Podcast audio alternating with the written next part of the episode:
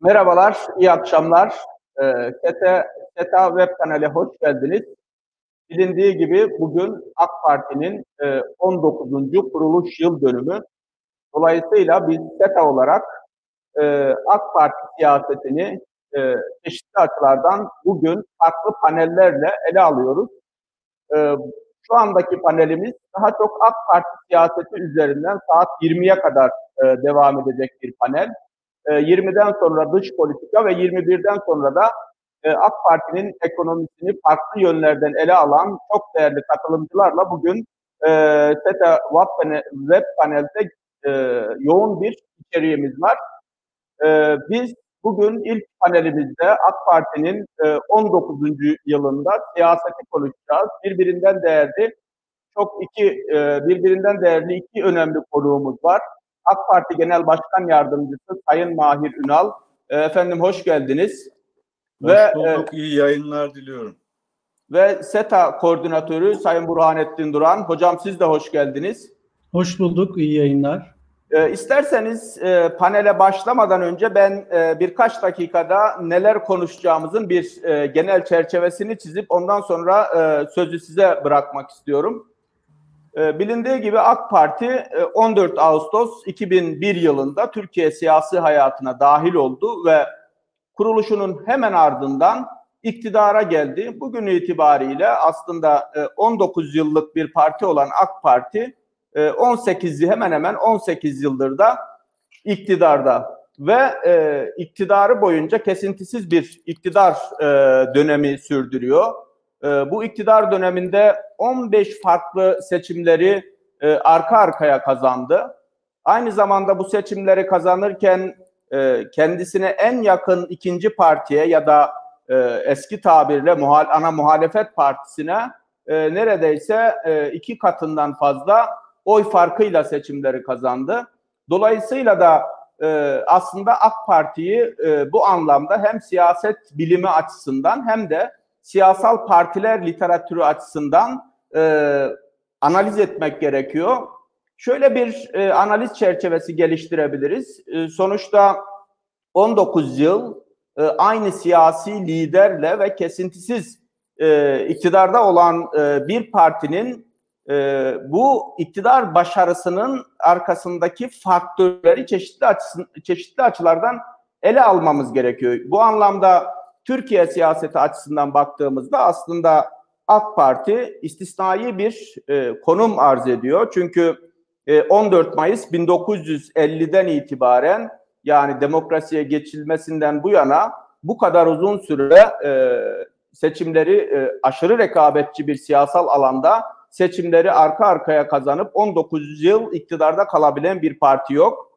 Ama dünya örneklerine baktığımız zaman aslında dünya örneklerinde 60 yıl, 67 yıl gibi ya da 40 yıllık e, demokratik sistemlerde e, iktidarını devam ettiren partiler var. Dolayısıyla siyasal parti literatürü açısından baktığımızda AK Parti'yi e, bir hakim parti olarak adlandırmak gerekir. Burada hemen bir dipnot düşmek gerekiyor. Türkiye'de bazen yanlış tartışılıyor hakim be, hakim parti dendiği zaman sanki bir tek parti e, iktidarı e, üzerinden bazen otoriterlikle falan e, tartışılıyor ama demokratik sistemlerde hakim parti en az e, işte 10 yıldan fazla iktidarda kalan e, parlamentoda kendisine en yakın rakibinin e, iki katından fazla sandalyeye sahip olan ve bu başarısını sürekli devam ettiren partilere aslında literatürde hakim partiler deniyor.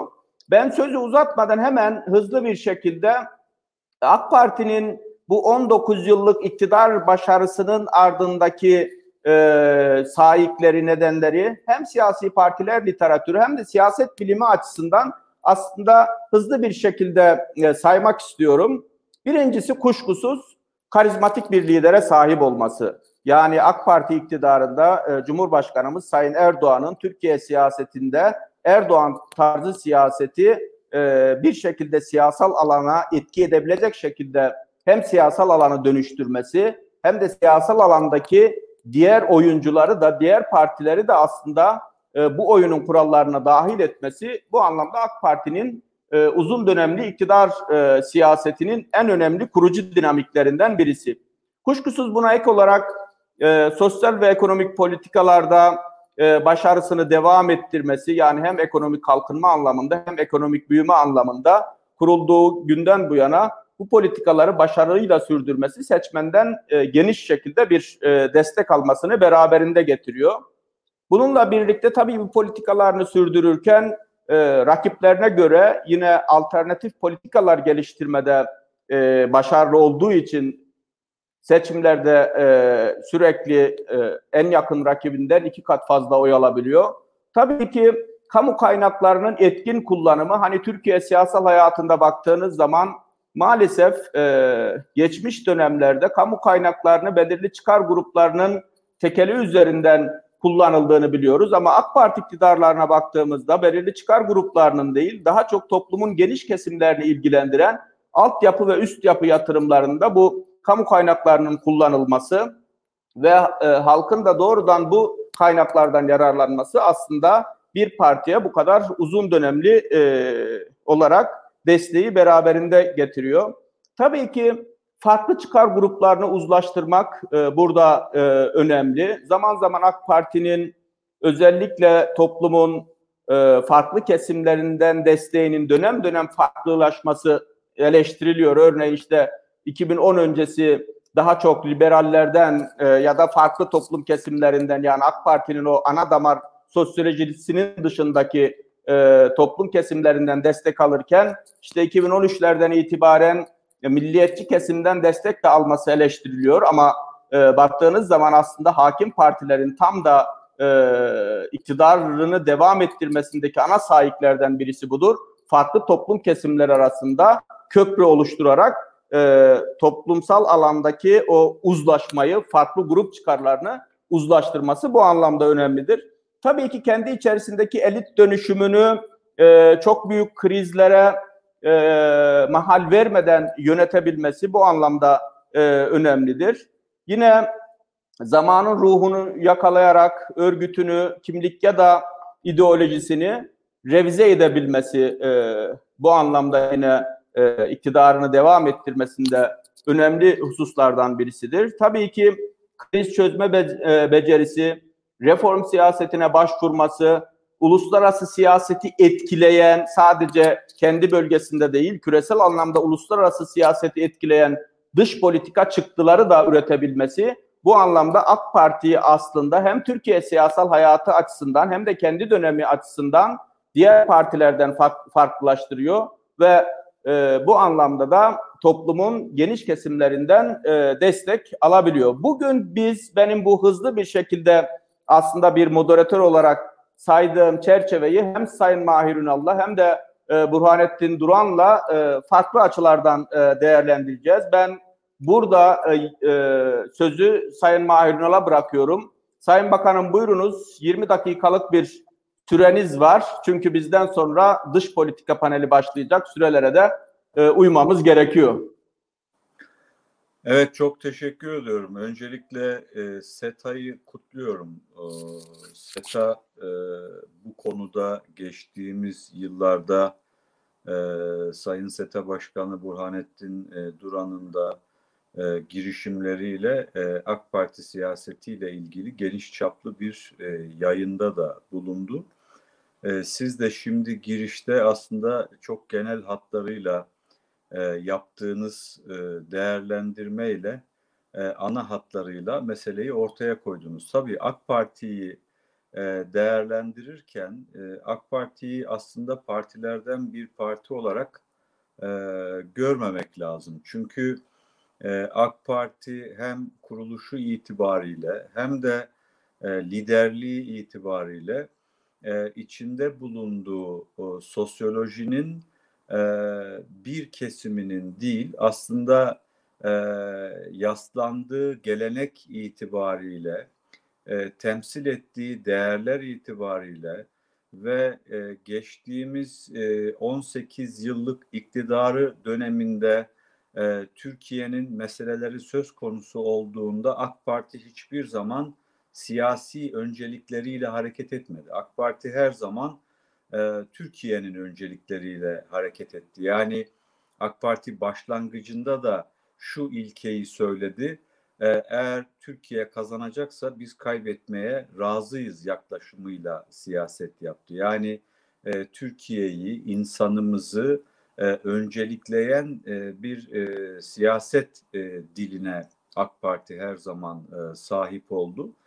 E, e, şimdi e, AK Parti'nin liderlik e, kimyasına baktığımızda aslında 1994 yılında İstanbul Büyükşehir Belediye Başkanlığı'yla beraber e, Türk siyasetinde derin izler bırakan Recep Tayyip Erdoğan ve Recep Tayyip Erdoğan'ın arkadaşlarıyla başlayan e, Erdemliler Hareketi'nin 14 Ağustos 2001'de e, bir siyasi partiye dönüşmesi ve o gün Sayın Recep Tayyip Erdoğan'ın Türkiye'de artık hiçbir şey eskisi gibi olmayacak demesiyle beraber sahiden de Türkiye'de o günden sonra hiçbir şey eskisi gibi olmadı.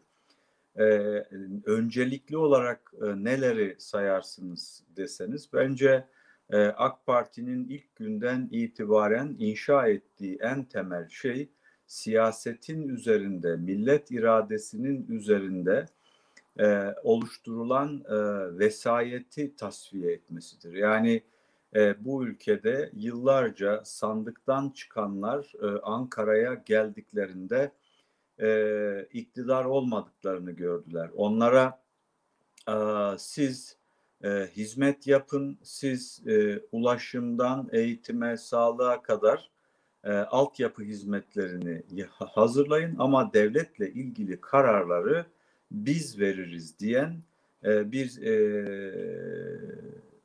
askeri ve bürokrasik e, bürokratik e, elit e, vardı. Ve hatırlayın AK Parti kurulduktan ve iktidar olduktan sonra da bu elit e, uzunca bir süre dün konuşmasında Sayın Cumhurbaşkanımızın da ifade ettiği e, Milli Güvenlik Kurulu'ndan e, tutun da e, Sayın Emine Erdoğan hanımefendinin başörtüsüne varıncaya kadar e, her şeyi dizayn etmeye çalışan, e, yine Cumhurbaşkanlığı seçiminde 367 kriziyle e, sözde değil özde layık gibi bir kriter koyan e, bir e, askeri vesayet aklı vardı. Dolayısıyla AK Parti öncelikli olarak siyaset üzerindeki, millet iradesi üzerindeki, milletin seçtiği ve ta 1950'lerde Adnan Menderes'in Demokrat Parti'nin yeter sözde karar da milletindir çıkışıyla başlayan mücadelenin e, aslında son noktasıydı AK Parti ve AK Parti öncelikli olarak sözün de kararın da milletin olduğu bir e, zemini inşa etti. E, egemenlik e, kayıtsız şartsız milletindir Türkiye Büyük Millet Meclisi'nin duvarında yazsa da e, aslında e, egemen hiçbir zaman millet olmadı. Çünkü egemeni tanımlarken biz ne diyoruz? E, egemen istisnai olana karar verendir. Devletle ilgili kararları, e, asıl e, kritik kararları e, veren e, iradedir egemen ne zaman e, gerçek anlamda egemenlik e, millete geçti?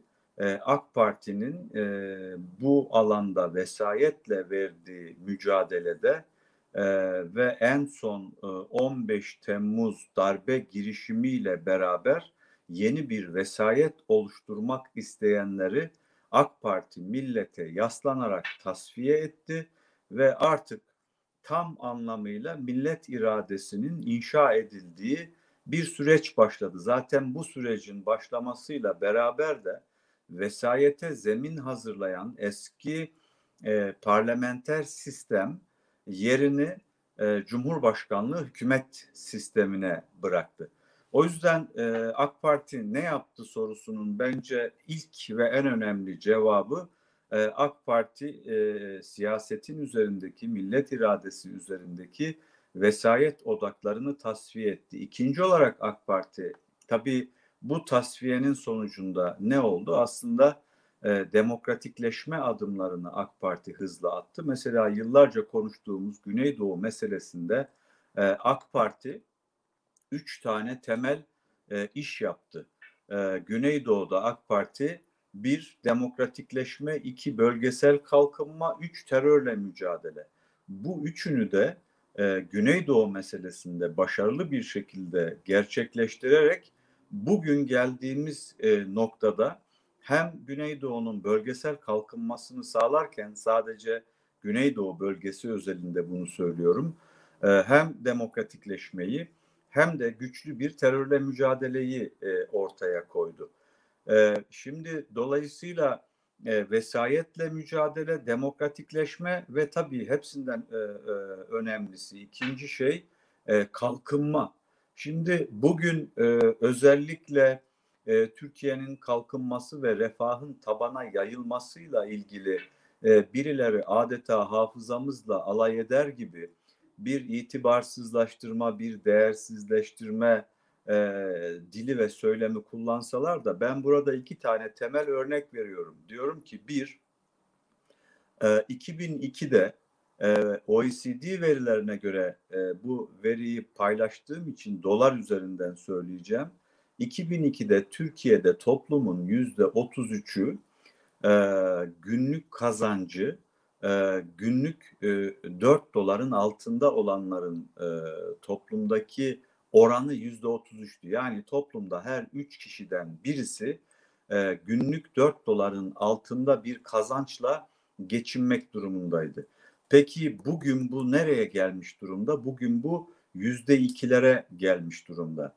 Yani yüzde 33 ile yüzde 2'yi kıyasladığınızda aradaki farkı görüyorsunuz. Yine 2002'de e, kalkınma açısından e, ve e, mali disiplin e, ve e, makroekonomik dengeler açısından devletin topladığı her 100 liralık verginin 86 lirası faize giderken e, bugün bu e, 20 liraların altına düşmüş durumda. Sadece bu iki kriter bile kalkınma alanında AK Parti'nin e, hangi noktalara Türkiye'yi taşıdığının e, önemli bir göstergesi. Ve üçüncü olarak kalkınmanın yanı sıra üçüncü olarak AK Parti'nin e, yaptığı altyapı çalışması. Yani sağlıkta, eğitimde, ulaşımda her alanda Türkiye'nin bilişim altyapısında özellikle Türkiye'yi getirdiği nokta. Şimdi işte geçtiğimiz günlerde e, Türkiye ile beraber bütün dünya bir küresel salgın sürecine girdi ve hala içerisindeyiz bu sürecin. Ve e, bir şeyi net olarak gördük ki AK Parti'nin 18 yılda attığı adımlar adeta Türkiye'yi bu küresel salgına hazırlamış. Sağlıkta hazırlamış, eğitimde hazırlamış, bilişim altyapısında hazırlamış. Mesela uzaktan eğitime dünyada uzaktan eğitimi gerçekleştirebilen iki tane ülke oldu. Bunlardan bir tanesi Çin, bir tanesi de e, Türkiye. Sağlıkta zaten hepiniz biliyorsunuz, hepimiz biliyoruz. Özellikle şehir hastaneleri ve güçlü e, sağlık altyapısıyla Türkiye e, sağlık açısından e, ve toplumsal dinamikler ve dayanışma açısından dünyada bu süreci en iyi yöneten e, ülkelerden e, birisi oldu. Peki bugün e, AK Parti'nin 19. yılında geldiğimiz noktada bu arada süreme bakıyorum 11 dakikamı kullanmışım. Şimdi ikinci bölümde isterseniz biraz e, AK Parti'nin bundan sonraki süreci ve bugün karşı karşıya e, olduğumuz durumla ilgili biraz e, da konuşmak isterim açıkçası. E, bugün geldiğimiz noktada bir sahte gerçeklikle karşı karşıyayız. Özellikle sahte gerçeklik diyorum çünkü oluşturulan bir daha doğrusu oluşturulmak istenen bir sahte gerçeklikten bahsediyorum. Türkiye ile ilgili, Türkiye algısıyla ilgili Türkiye'nin her alandaki durumuyla ilgili ve AK Parti ile ilgili hem uluslararası hem de ulusal ölçekte e, çok ciddi bir e, kara, kara propagandayla karşı karşıyayız. Yani e, Türkiye'nin e, Doğu Akdeniz'deki e, hamlelerinden e, tutun da Türkiye'nin salgınla mücadelesinden, e, sağlık altyapısından e, eğitimdeki e, güçlü e, altyapısına, yine ekonomik alanda verdiği mücadeleye kadar öyle bir algı oluşu, oluşturuluyor ki e, sanki e, Türkiye e, 2013'ten sonraki süreçte e, adeta bir küresel atak şeklinde hem ABD merkezli hem AB merkezli e, güçlü bir uluslararası e, hem yaptırım e, hem de propaganda anlamında e, hem televizyon hem gazete hem de diğer sosyal ağlar üzerinden e, bununla karşı karşıya kalmamış. Yine e, Türkiye geziyi yaşamamış. Türkiye 17-25 Aralık emniyet ve yargı darbesini e, yaşamamış. E, Türkiye 6-7 Ekim olaylarını, Hendek olaylarını yaşamamış. Sanki bu ülkede birileri her gün hatırlayın bir şehirde özellik ilan etmeye kalkışıyorlar ve her gün bir şehirde hendekler kazıp e, bizatihi Türkiye Cumhuriyeti Devleti'nin üniter yapısına meydan okuyorlardı. E, sanki Suriye'de bir iç savaş yaşanmamış, Türkiye'nin sınır güvenliğiyle ilgili e, bir e, tehdit ortaya çıkmamış, toprak bütünlüğüyle ilgili bir tehdit ortaya çıkmamış. Irak'ın istikrarsızlaşmasından kaynaklanan sorunlar hiç yaşanmamış. Türkiye 15 e, Temmuz'u yaşamamış. 15 Temmuz'dan sonraki süreçte yine Türkiye'nin ekonomisine dönük kur ataklarından tutun da yaptırım tehditlerine kadar Türkiye hiç bunları yaşamamış. Sanki Türkiye, Norveç ya da İsveç gibi bir ülkeymiş. Hiçbir sorun yokken Türkiye bütün bu süreçte hele hele şu anda dünya bir salgından dolayı ekonomide küresel daralma yaşamıyormuş gibi. Amerika'da artık işsizlik 45 milyon kişinin işsiz olduğu konuşulurken İspanya, İtalya, AB yüzde 15 bir daralmayı, ekonomik daralmayı konuşurken sanki bu etkilerin hiçbirisi yokmuş. Her yer güllük gülistanlıkmış ve e, bu sorunlar aslında AK Parti'nin ortaya çıkardığı sorunlarmış gibi e, bir e, algı maalesef e, oluşturuluyor. E, bu algıya karşı da biz hakikatin bir ihtiyaç olduğu bilinciyle e, ciddi anlamda bir e, karşı propaganda ve bu kara propagandaya karşı e, hakikati kuşanarak e, gerçekleri e, anlatmak e, durumunda e, adeta e, kalıyoruz.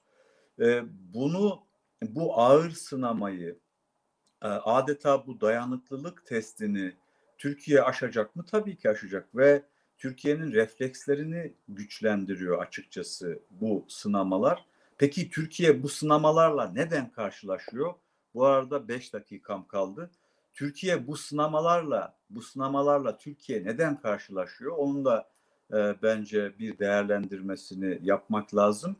E, hatırlayın 1990'ların başında Soğuk Savaş sona erdiğinde Sovyetler Birliği dağıldığında e, özellikle Orta Asya'da ortaya çıkan boşluk ve orada kurulacak yeni düzenle ilgili o, dönemde 1992'de merhum Turgut Özal Cumhurbaşkanı iken Orta Asya ziyaretiyle beraber oradaki büyük fırsatları görmüş ve heyecanlanmıştı.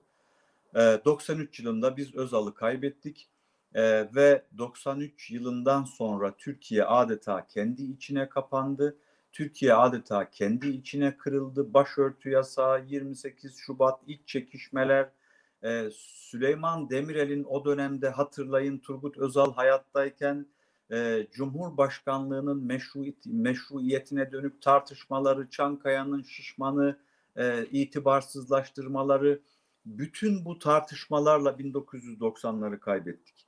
Ve biz o dönemde bölgesel e, bir güç olabilme, soydaşlarımızla kuracağımız köprüler ve e, oluşturacağımız bağlarla Orta Asya'da masada olma imkanımız varken maalesef kendi içimize kapanarak 1990'ları kaybettik.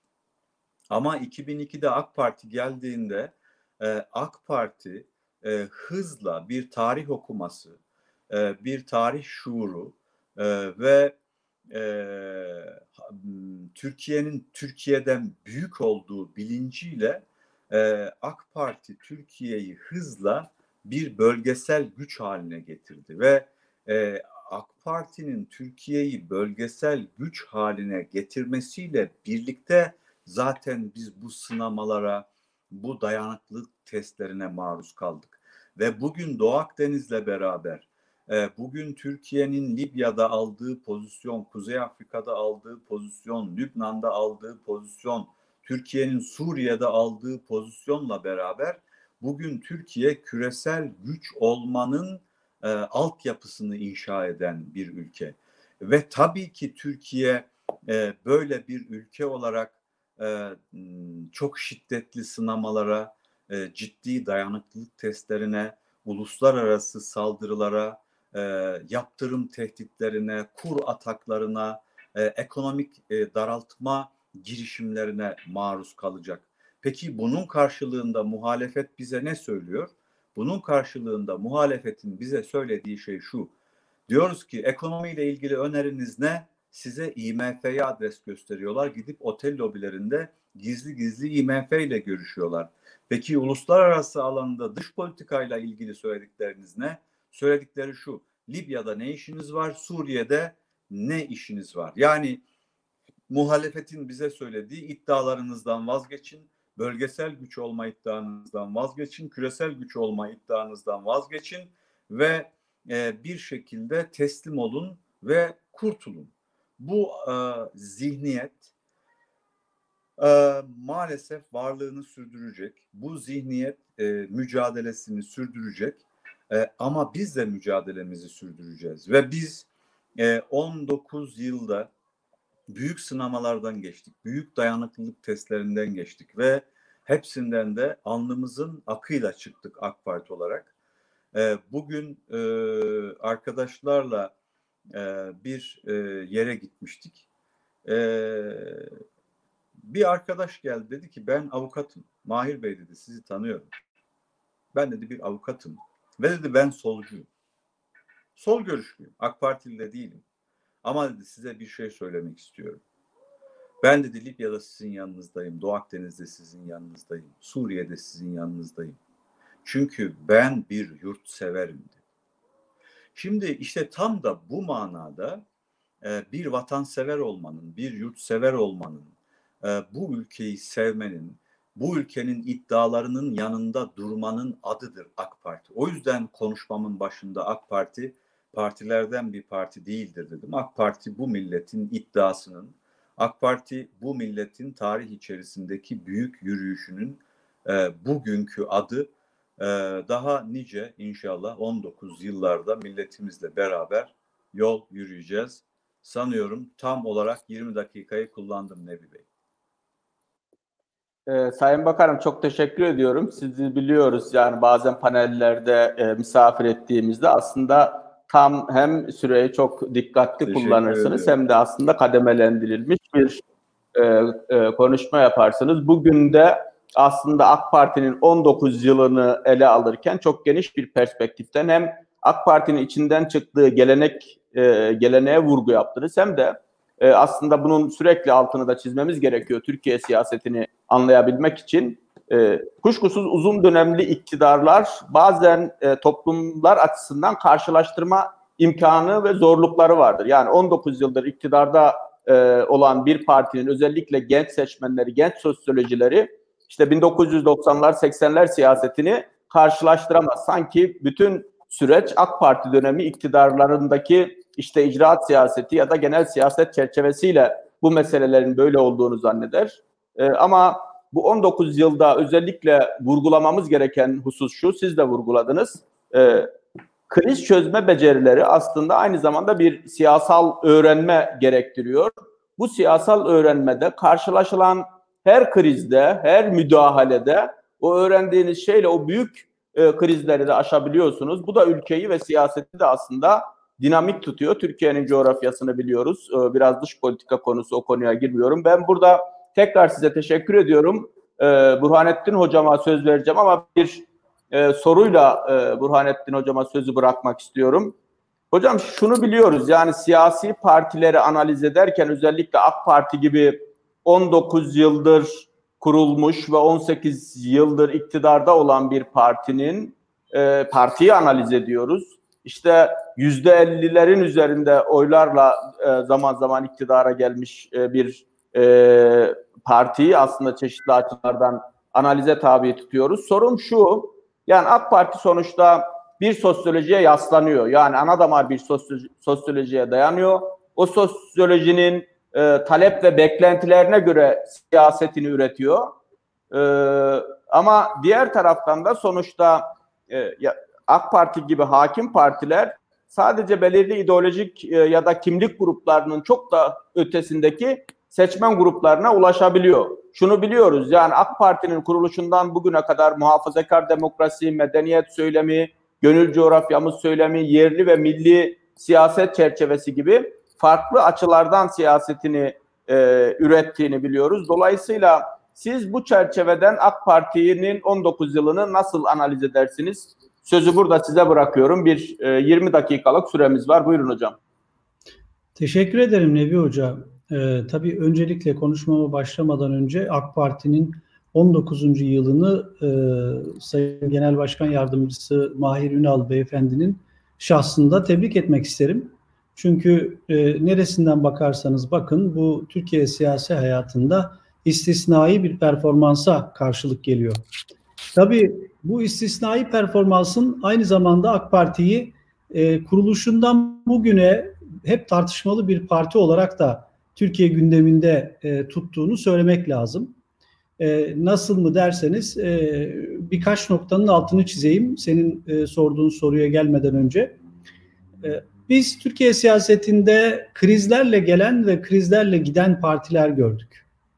Yani e, Türkiye'yi dönüştürme hamlesi, Türkiye'nin uluslararası konumunu daha güçlü bir yere getirme e, amacında olan AK Parti'nin benim sayabildiğim kadarıyla, benim dönemlendirebildiğim kadarıyla üç tane vesayetçi darbeye e, müdahalesinde ya da e, bir kere de sandıkta iktidardan gitmiş olması gerekiyordu. Bunlardan tahmin edebileceğiniz gibi ilki 2007-2008 e, kriz dönemidir. E, 27 Nisan e-muhtırası ve peşinden parti kapatma davası Türkiye'de AK Parti'nin e, karşılık geldiği şeyin ne olduğu görüldü ve e, Türkiye'yi e, bambaşka bir türbülansa sokabileceği için bir üyenin e, farklı görüş bildirmesiyle AK Parti kapatılmamış oldu. Tabii ki milletin o kadar güçlü bir sahiplenmesi vardı ki bu kapatmaya cesaret edilememiş oldu. Bir ikinci e, vesayet anı diyelim e, 2013'te başladı. İşte Gezi ile başladı. 17-25 ile devam etti. 17-25 ee, Aralık yargı darbe girişimiyle devam etti. Bunun da e, Cumhurbaşkanı Erdoğan'ın liderliğiyle aşıldığını gördük. E, bence üçüncüsü de 15 Temmuz 2016. Burada çok daha açık bir darbeyle e, TSK'nın bir takım sözde subaylar tarafından harekete geçirilerek Cumhurbaşkanı Erdoğan'ın halkımızı sokaklara çağırmasıyla engellenen üçüncü bir vesayetçi müdahale. Bu üçünde de ortalama şartlarda birçok dünyanın birçok yerinde ve Türkiye'de e, iktidarlar devrilirdi. Ancak burada e, AK Parti'nin kendisini konumlandırdığı yer, milletle kurduğu sağlam organik ilişki ve güçlü karizmatik liderlik sebebiyle bunları aşabildiğini gördük. Bir tanesi de bence 2015 seçimleri 2015 seçimlerinde hatırlayacaksınız Haziran seçimlerinde e, çoğunluğu kaybeden AK Parti yine siyaset bilimci olarak baktığımızda e, bir düşüşe giren partinin e, Türkiye siyasetinde geriye doğru bakarak incelediğinizde tekrardan oylarını e, 7-8 puan yükselttiği görülmüş şey değildir. E, bunun gerçekleştiğini gördük. Dolayısıyla bu tür istisnai performanslarla biz bir kere AK Parti'nin e, gerçekten Türk siyasi hayatı açısından e, ayrı bir e, yeri olduğunu, ayrı bir yere karşılık geldiğini söylemek lazım. Krizlerle gelip krizlerle giden bir parti olmadığı gibi aynı zamanda kendi başarılarının ve Türkiye'yi kendi dönüştürmüş olmasının sonuçlarıyla da aslında karşılaşan bir partidir. belki e, bu kısmı en sona e, bırakayım ama ondan önce e, AK Parti'nin e, nasıl bir yere karşılık geldiğini e, biraz irdelemeye çalışayım. AK Parti bazı hesaplaşmaların sonunda kurulmuş bir parti aslında. Evet 2001'de kuruldu ama e, önemli bir geçmişten geliyor. Bu geçmiş e, Türkiye Cumhuriyeti'nin kuruluşundan itibaren e, yaşananlar ve e, Türkiye'de bazı Kemalist ve laikçi e, politikaların halkın taleplerini, milletin taleplerini baskılayan vesayetçi e, yaklaşımıyla yüzleşti. Bu Demokrat Parti'nin, Adalet Partisi'nin hatta belli ölçüde anavatanın e, altından kalkamadığı ciddi e, sıkıntılardı. Bunları aşan ve muktedir olmayı başaran bir siyasi partiden bahsediyoruz. Yani hem kendini dönüştüren, e, bir hesaplaşmayla kendini dönüştürebilen hem de Türkiye'yi dönüştüren bir partinin performansından bahsediyoruz. Dolayısıyla ilk hesaplaşmayı Kemalizmle yaşadı ve vesayetçilikle yaşadı. İkinci hesaplaşmayı kendi geldiği geçmiş geçmişiyle de aslında yaptı. Nasıl derseniz e, Türkiye'de AK Parti'nin e, merkezde bu kadar uzun süre kalabilmesi Türkiye'deki bir takım ideolojik arayışların hepsiyle yüzleşen ve Türkiye'nin ortak bir e, zeminini oluşturmaya çalışan bir siyasetle yakından alakalıdır. Yani bunun içerisinde İslami hassasiyetlerin, milliyetçi hassasiyetlerin, hatta sol ve liberal e, taleplerin olduğu bir siyasal zemini üretti. Bu e, kendisini 2002 ile 2007 ve hatta 2013'e kadar olan dönemde liberal e, değerlerin ve e, politikaların öne geçtiği bir dönem yaşadı. Ancak sonrasında bu dönüşümün getirmiş olduğu e, sonuçlar ve bölgemizde, etrafımızdaki bölgede ortaya çıkan türbülanslarla da yüzleşen ve gerektiğinde e, bu entegre olmaya çalıştığı Batı dünyasıyla ya da e, iyi ilişkiler kurmaya çalıştığı komşularından gelen Suriye ve Irak başta olmak üzere gelen tehlikelerle yüzleşen bir e, performans görüyoruz. Cumhurbaşkanı e, Erdoğan 19. yıl e, yıl dönümü kutlamalarında şöyle bir ayrım yaptı. 2013'e kadar AK Parti potansiyelini keşfetmeye çalışan bir partidir. 2013'ten günümüze ise mücadele dönemindedir. Yani Türkiye'nin uluslararası konumunu daha itibarlı, daha etkili bir yere getirmek, Sayın Mahir Ünal'ın e, işaret ettiği gibi bölgesel güç olmaktan küresel güç olmaya doğru giderken karşılaştığı meydan okumaları çözmeye çalışan bir mücadele dönemidir. Bu mücadele döneminden sonra bir şahlanma dönemi öngörmektedir Cumhurbaşkanı Erdoğan. E, AK Parti'nin lideri olarak. Tabii bunun ne kadar iddialı bir e, hedef olduğu aslında 2023'ten sonra 2053 ve 2071 hedefleriyle de e, ortaya koyuldu.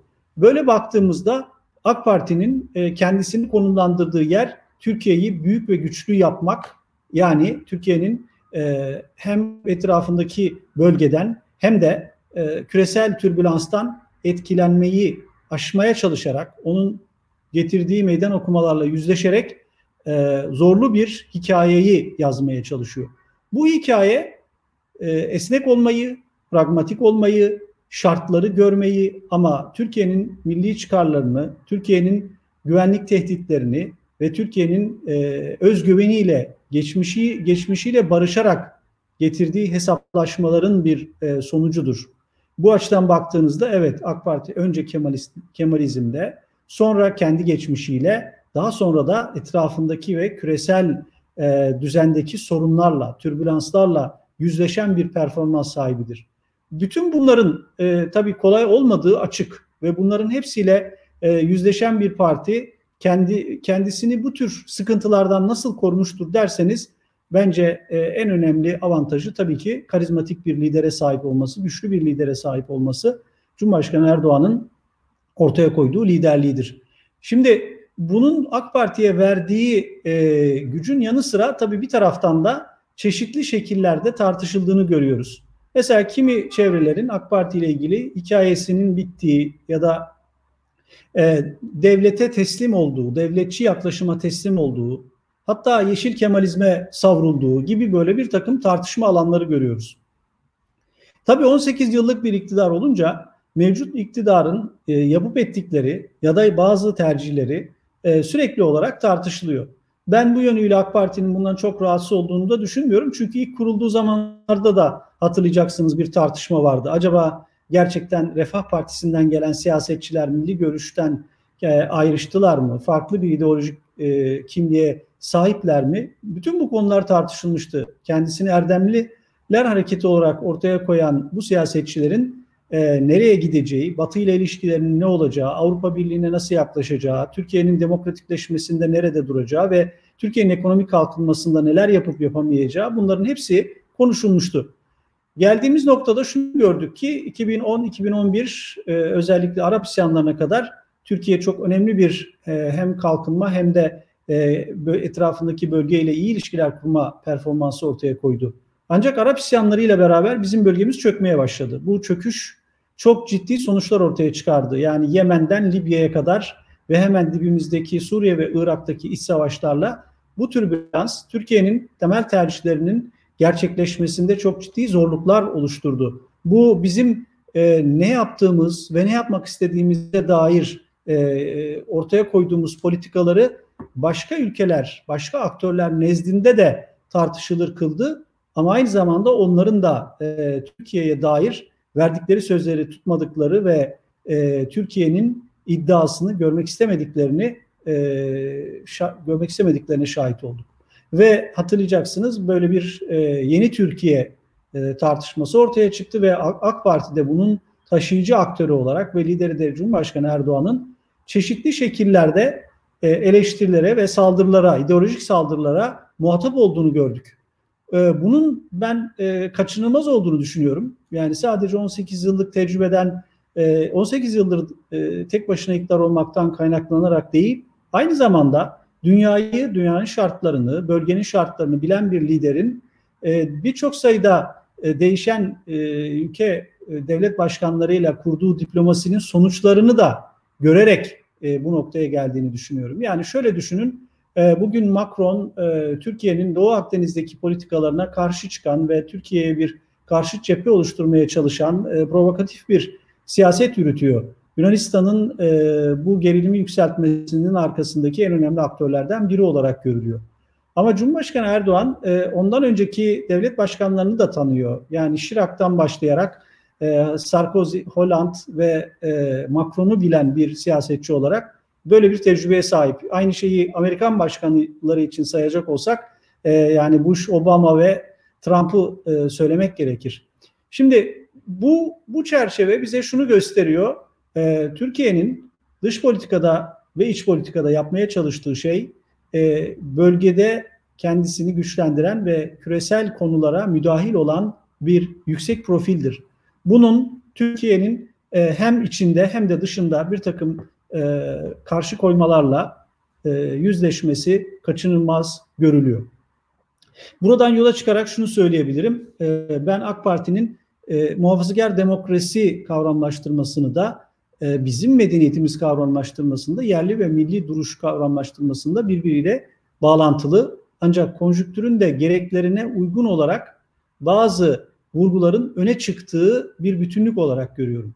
Kendisini milletin iradesini e, gerçekleştirmeye çabalayan bir parti olarak konumlandırırken AK Parti aslında az önce bahsetmiş olduğum o üç hesaplaşmadan da e, yola çıkan bir e, tecrübeyi e, yansıtıyor. Bunun zaman zaman eleştirilere uğramış olması, tartışmaların odağında olması ve bunun hatta giderek sertleşmiş olması da bir gerçeklik. Nasıl bir gerçeklik derseniz e, bakın e, Amerika'da e, Başkan Trump'ın son 4 yıllık e, bir dönemde Amerika'da ne kadar çok tartışmayı beraberinde getirdiğini hatırlarsanız demokrasilerin zaman zaman böyle kimlik meseleleri etrafında ve ideolojik tartışmalar etrafında e, biz gerilebildiğini görüyoruz. Dört yıl içerisinde Amerika'da e, beyaz milliyetçiliğin getirdiği dalga e, siyahilerin isyanıyla e, neredeyse neticeleniyor ve e, koronavirüs e, salgını sırasında da Amerika'nın hem ekonomik anlamda hem de siyasi anlamda bir kriz yaşadığını görüyoruz. Kasım seçimlerinin ertelenmesi bile söz konusu edildi başkan tarafından. Şimdi bu şunu gösteriyor. E, Türkiye milli iradeyi öne çıkararak bir yandan gerektiğinde sandığa giderek 15 kez e, sandığa gitmiş ve bunların neredeyse tamamı e, birçoğusu erken seçim olarak gerçekleşmiş. E, bunun bize gösterdiği şey şudur. e, evet krizlerinizi bu şekilde atlatabilirsiniz ama bu Türkiye'nin uluslararası konumunu yükseltme çabanız size bir takım e, direnç noktalarını ve bir takım operasyonları beraberinde getirecektir ve bunun sağlanması için de gerçekten kararlı bir liderlik gereklidir. AK Parti bir takım e, siyasetçilerin kendisinden ayrılmasına rağmen bu e, yolda yürümeyi tercih etmiştir ve kendisini kadrolar olarak yenileyebilen, hatalarından ders alabilen ve politika üretme noktasında her zaman muhalefetin önünde olan bir yerde kendini konumlandırdı. Reformla başlanan bu yolun bir yerden sonra e, direnişle veya mücadeleyle devam ediyor olması AK Parti'nin aslında reformcu özelliğini kaybettiği anlamına gelmiyor. Ben o anlamda e, Kemalizme yenik düşmek e, ya da milliyetçiliğe esir olmak şeklindeki değerlendirmelerin AK Parti'nin Türkiye siyasetini hangi noktalarda nasıl dönüştürdüğünü aslında görememek olarak değerlendiriyorum. Yani bu e, çok e, kolaycı bir değerlendirme. Yine e, bu çerçevede AK Parti'ye ilişkin 15 Temmuz çerçevesinde yapılan değerlendirmelere de değinmekte fayda görüyorum. E, son zamanda e, 15 Temmuz'un bir ortak siyasi çerçeve oluşturmak ve uzlaşmaların e, yaratılması için bir seçenek olduğunu ama bu seçeneğin heba edildiğini söyleyenler var. Bunun e, açıkçası iktidar cenahında değil çünkü e, Cumhur İttifakı'nın ortaya çıkışı bile aslında yeni kapı ruhu ile e, bunu e, tüm Türkiye'yi kuşatmak için Türkiye İttifakı açıklamasında da görüldüğü üzere bütün partilere yansıtmaya çalışan bir e, liderlik olduğunu biliyoruz. E, Cumhurbaşkanı Erdoğan'ın tercihi açısından ama kontrollü darbe, sivil darbe söylemleriyle çok kısa sürede yeni kapı ruhunu zarara uğratan muhalefetin ne yazık ki performansı Türkiye'nin geleceğine dair sıkıntıları karşılamada bir istenmeyen bir durumu ortaya çıkarmıştır. Şunu kabul edebiliriz. E, Doğu Akdeniz az önce e, Sayın Mahir bir avukat arkadaşa referansla anlattı. Evet Türkiye'nin genelinde kamuoyunda Türkiye'nin Doğu Akdeniz'de yapmaya çalıştığına dair, Libya'da yapmaya çalıştığına dair, Suriye'de yapmaya çalıştığına dair bir destek, önemli bir destek var. Çünkü biz iki bölgede Türkiye olarak e, aslında iki tane beka meselesi diyebileceğimiz konuyla uğraşıyoruz. Birisi terör örgütleriyle Suriye ve Irak'taki PKK, YPG ve FETÖ e, dünyanın her yerinde Türkiye'yi e, kendisine hedef olarak gören e, terör örgütleriyle mücadele ediyoruz. Bu birinci bir e, beka meselesi olarak görülebilir. İkincisi de Doğu Akdeniz'deki Türkiye'yi abluka altına almaya çalışan ve Antalya Körfezi'ne sıkıştırmaya çalışan siyasetler ve bunların getirdiği ittifaklar. Tabii bunları AK Parti bir 1990'ların içe kapanması şeklinde e, ya da mızmızlanma, şikayetlenme şeklinde görmüyor. Onun için Türkiye birçok yerde hem askeri operasyonlar yapma, hem askeri üsler kurma, hem de diplomasiye ağırlık verme şeklinde bunu karşılıyor. Burada bir proaktif anlayışın, bir proaktif dış politikanın ve bunun gerektirdiği iç siyasi donanımın sergilendiğini düşünüyorum. Fakat şu da önemli bir konu. E, bunun getireceği e, türbülanslar ve getirdiği türbülanslar e, tüm, tüm Türkiye olarak sadece AK Parti'nin karşılayabileceği bir konu değildir. Yani Türkiye'nin Doğu Akdeniz'deki hayati çıkarları partiler üstü bir siyaseti gerektirir.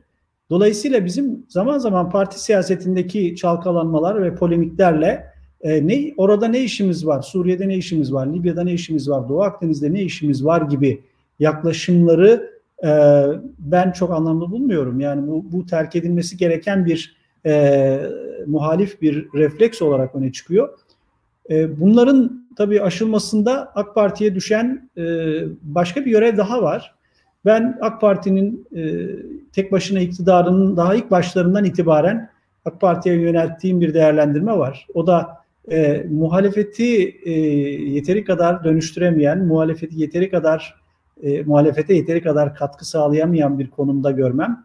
E, ne demeye çalışıyorum? E, yani muhalefet bir gün iktidar olacağını düşünerek e, bir siyaset yürütmek durumunda.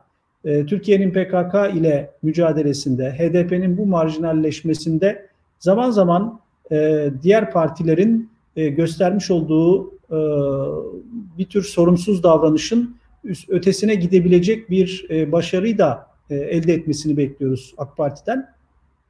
Böyle baktığımızda yine AK Parti'nin kendi dönüştürdüğü sosyolojinin e, meseleleriyle ilgilenme konusunda da çok uzun vadeli eğitimden, kültürden, e, çevreden, kentleşmeden dış politikaya kadar birçok alanda yeni meydan okumalarla yüzleştiğini görüyoruz. Mesela bir aile tartışması ya da sosyoekonomik dönüşümler açısından baktığımızda bu dönüştürdüğü Türkiye'nin yeni meseleleri ortaya çıkmakta ve koronavirüs salgınıyla da e, ortaya çıkan yeni bir dünyanın siber tehditlerinden e, ekonomik sorunlarına e, ve oradan e, bireyin e, kendi anlam dünyasında yalnızlaşmasına kadar birçok meselenin e, yeni bir düzleme girdiğini görüyoruz. Burada AK Parti'nin tabii ki çok büyük bir şansı var. E, iktidardayken hatalarından öğrenen, kendini yenileyebilen bir performans gösteriyor. Bu e, bizim şu ana kadarki e, Türkiye siyasi hayatında gördüğümüz bir performans değil açıkçası. Dolayısıyla ben AK Parti'nin bu yüzleşmenin farkında olduğunu ve bu hesaplaşmalardan dördüncüsü olan kendi yaptıklarının sonuçlarıyla hesaplaşma anlamında da bir performans ortaya koyacağına inanıyorum. Sanıyorum ben de vaktimi doldurdum. Teşekkür ederim.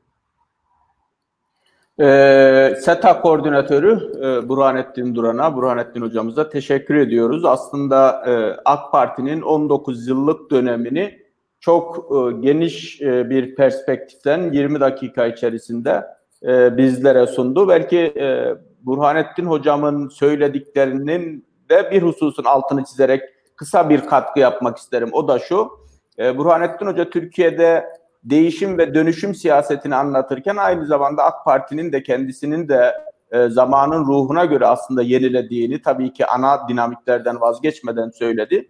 E, burada şunu eklememiz lazım. Aslında AK Parti aynı zamanda Türkiye'de muhalefeti de dönüşüme zorladı. Yani Türkiye'de e, 2000'lerin ya da 1990'ların e, muhalefet e, diliyle, söylemiyle e, bugün e, işte AK Parti AK Parti karşıtı e, ya da e, muhalefet partilerinin söyleminin dilinin de farklılaştığını söylememiz lazım.